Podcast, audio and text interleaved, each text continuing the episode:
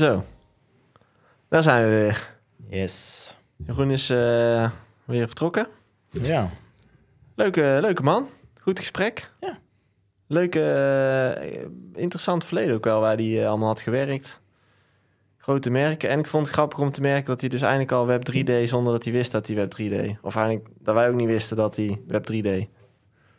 Ja, Tien jaar hij, is, eh, hij is bescheiden, maar tussen de regels door voel je wel dat hij eh, veel gedaan heeft en gezien heeft. En ja, hij heeft ook wel een duidelijk eh, wereldbeeld, denk ik, over Mm. hoe, die, eh, hoe die erin staat en wat hij belangrijk vindt.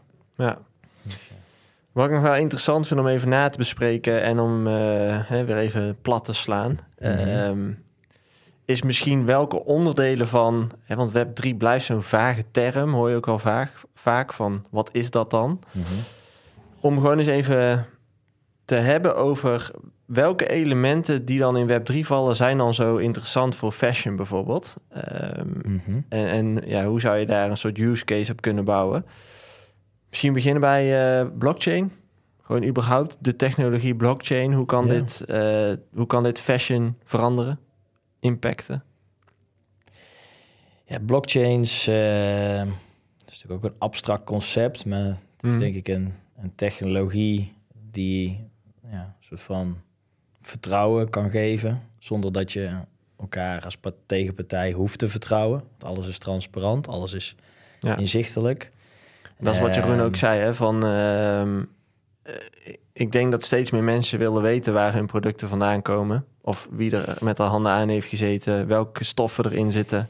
Nou, ik denk dat eh, eh, de mensen het misschien niet eens zo heel boeiend eh, vinden. Er zal een kleine groep zijn die dat wel heel interessant vindt. Maar ja, daar heb je het weer als je het hebt over media en journalistiek. Mhm. De checks en balances van een goed functionerende samenleving.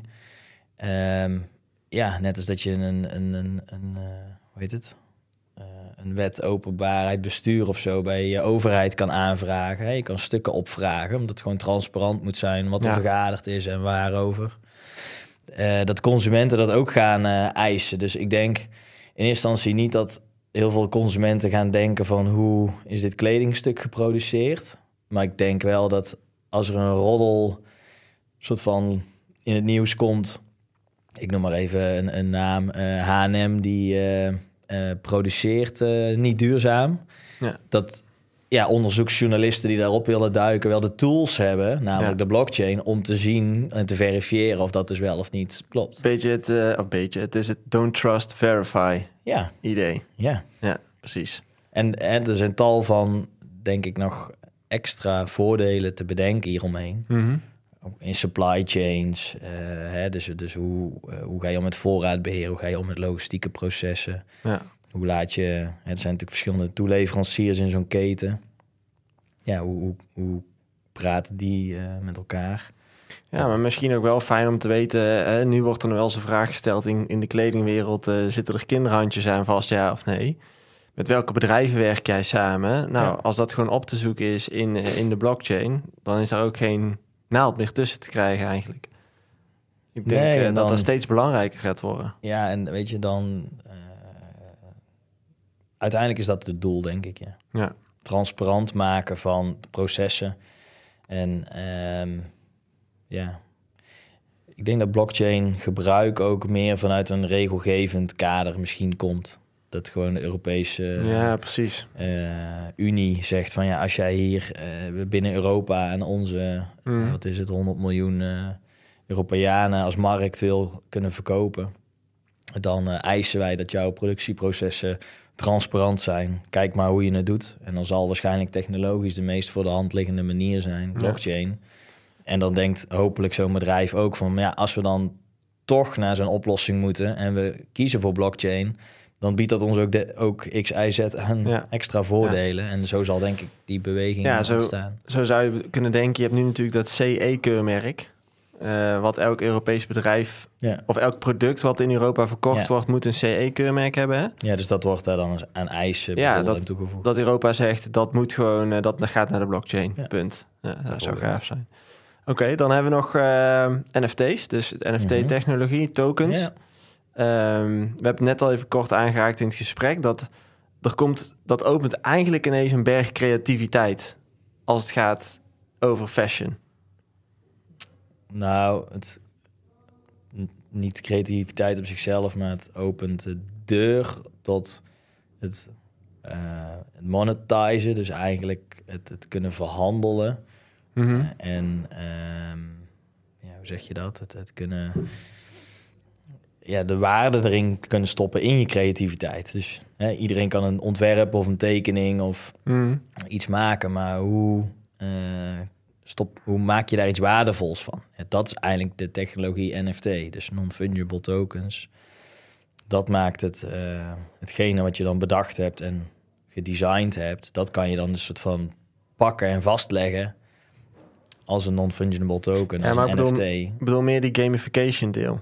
Dus eh, Mhm. stel jij, eh, jij koopt een shirt van Tommy Hilfiger en daar heb jij een, een, een token van, ook een digitaal token van, een Mhm. NFT. En eh, in dat smart contract staat gewoon als jij eh, dat ding vijf keer hebt aangehad Mhm. in Roblox, Mhm. dan verandert dat shirt van blauw naar goud. Ik noem maar wat. Mhm. Eh, en dat je zo een soort gamification idee krijgt, dat is alleen mogelijk door die smart contracts. Ja, klopt. Ehm, ja, het is denk ik tweeledig. Dus het bedenken van de gamification is bijna een creatief proces van een developer. Ja, maar daarom zeg ik, de, het opent een Eh. creativiteit eh, voor fashion. Dingen die je- eerst niet mogelijk waren. Ja, maar je kunt ook ja, praktisch gewoon zeggen: je hebt iets gedesigned en vastgelegd. En doordat het in zo'n gamification proces wordt gebracht, eh, krijgt het meer waarde. Want Ja, in jouw voorbeeld, die NFT, sommige NFT's zijn nog nooit in Roblox geweest. En de NFT die jij net beschrijft, is er vijf keer in geweest. Mhm. En die heeft daardoor meer utility. Dus als ik de keuze heb tussen het kopen van NFT A of NFT B, waarbij versie A nooit in Roblox is geweest en versie B vijf keer, ja. dan, ja, dan maakt versie B meer waard. ja, dus word je geïncentiviseerd om meer tijd te spenderen in. Roblox met je shirt. En, Exact, dus, ja. en dat is dus denk ik iets wat eh, ge- gebeurt nu misschien al wel in de fysieke wereld, maar het is niet te trekken. Het is, niet, het is heel moeilijk traceable. Eh, een shirt kan nu niet veranderen van kleur. Heel simpel. Ja, ja, in extreme voorbeelden hè, zie je natuurlijk dat, eh, weet ik het, dit is het, het shirt wat Lionel Messi Ja. droeg tijdens de finale van het WK voetbal. En dan dat shirt heeft waarde, maar dat, ja, dat is natuurlijk de, de traditionele. Ja, ja precies. Ehm DAO's misschien nog? In het kader van eh, wij bepalen met z'n allen wat voor product gemaakt Mhm. wordt, in plaats van één ontwerpteam. Ja, DAO's, hè, dus gedecentraliseerde autonome organisaties. Het is eigenlijk de democratisering van stemmen, Mhm. stemrecht. Ja. Geef, geef je, je community, je fans een stem, Mhm. inspraak. En dat kan natuurlijk alles van toepassing hebben. Van welke collectie gaan we produceren, welke kleuren brengen we uit, welke Ja. prototypes eh, vinden we wel tof, welke vinden we niet tof. Maar je kan denk ik bij, binnen DAO's ook denken aan... ehm, gaan we de productie eh, wel of niet eh, verhogen? Ja. Want dat heeft eh, deze impact eh, op de, de profit. Hè? Dus op hoeveel geld we als bedrijf kunnen verdienen. Maar ook deze impact op eh, milieu. Ja. Ja, Vinden we dat eh, waard, eh, ja of nee? Ik zit even op te zoeken, maar ehm, Adidas heeft afgelopen week aangekondigd dat ze gaan werken met een council. Mhm. Hè? Eh, en, en de community was onderdeel van die council. Ja. Ook wel interessant. Dus het is, misschien kun je dat als een soort ja, DAO ik, ik, zien. ik, maar- ehm, het is ook wel iets misschien voor een, een toekomstige show, maar wordt natuurlijk best wel veel geëxperimenteerd met DAO-constructies. Dus Mhm. Eigenlijk heb je het dus over het ontwerpen van een functionerende democratie. Van hoe zorgen we nou voor dat het goed werkt? En ik meen dat ik laatst ergens las dat steeds meer onderzoeken laten zien eigenlijk dat de, de, de beste DAO-vorm is eigenlijk degene die gewoon lijkt op onze huidige westerse democratie. Hm. Verrassing, want daar zijn we al heel lang mee bezig.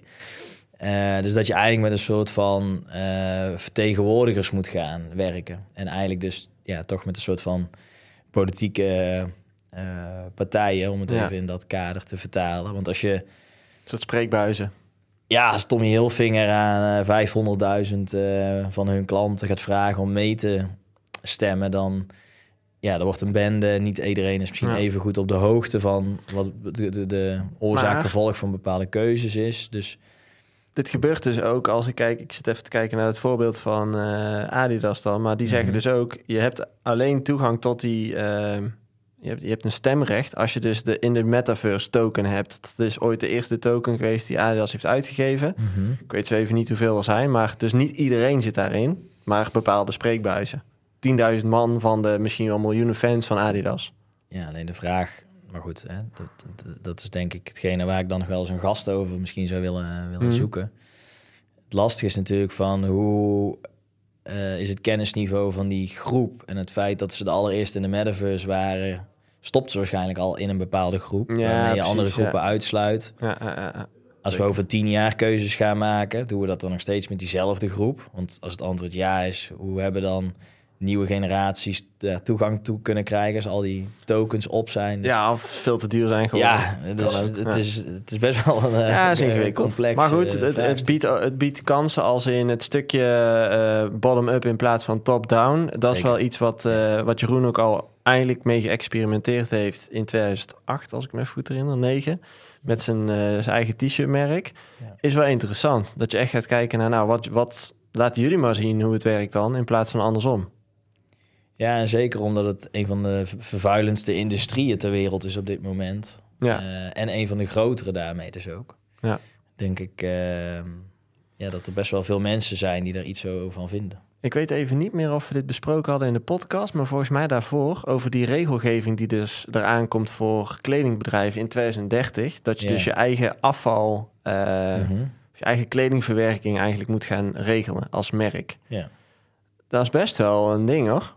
Is natuurlijk supergoed dat ze dat gaan doen, maar dat is echt al wel een, eh, een, een, een grote verandering in sustainability. Dus overproductie is ineens veel minder interessant geworden, want het wordt ook jouw probleem daarna. Klopt.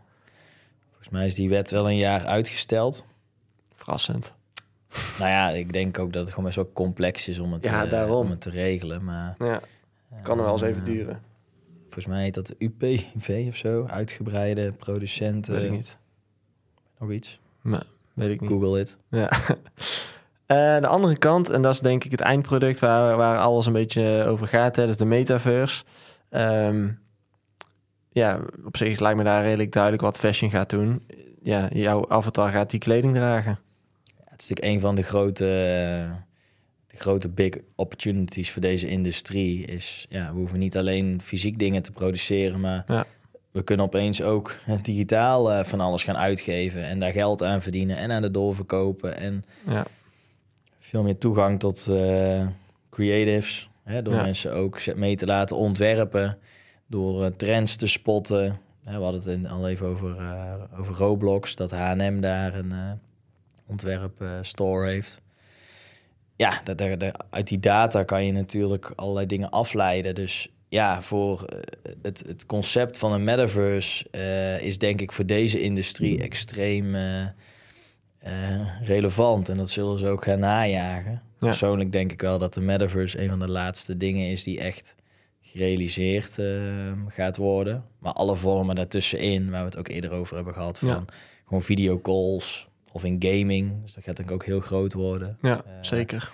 Daar ga je dit denk ik wel veel meer en veel eerder Ja. In zien.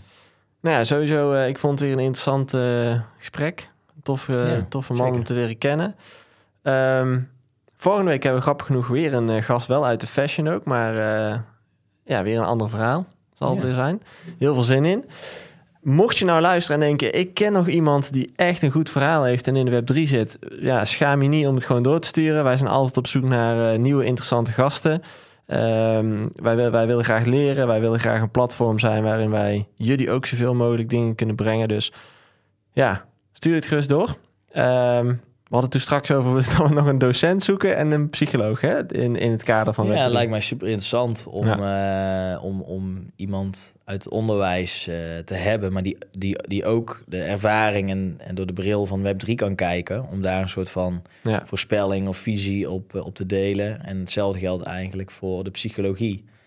Dus, en, en dan denk ik specifiek nog de, de metaverse kant meer van, ja, als wij allemaal in zo'n Ja, virtual reality wereld meer tijd gaan doorbrengen, wat doet dat met het... eh, ja precies. Ja. Nou, eh, volgende week dus eh, weer een nieuwe aflevering op Ja, woensdag. tof. Hartelijk bedankt voor het luisteren en wij zien jullie graag volgende week. Goed, Dag. doei doei.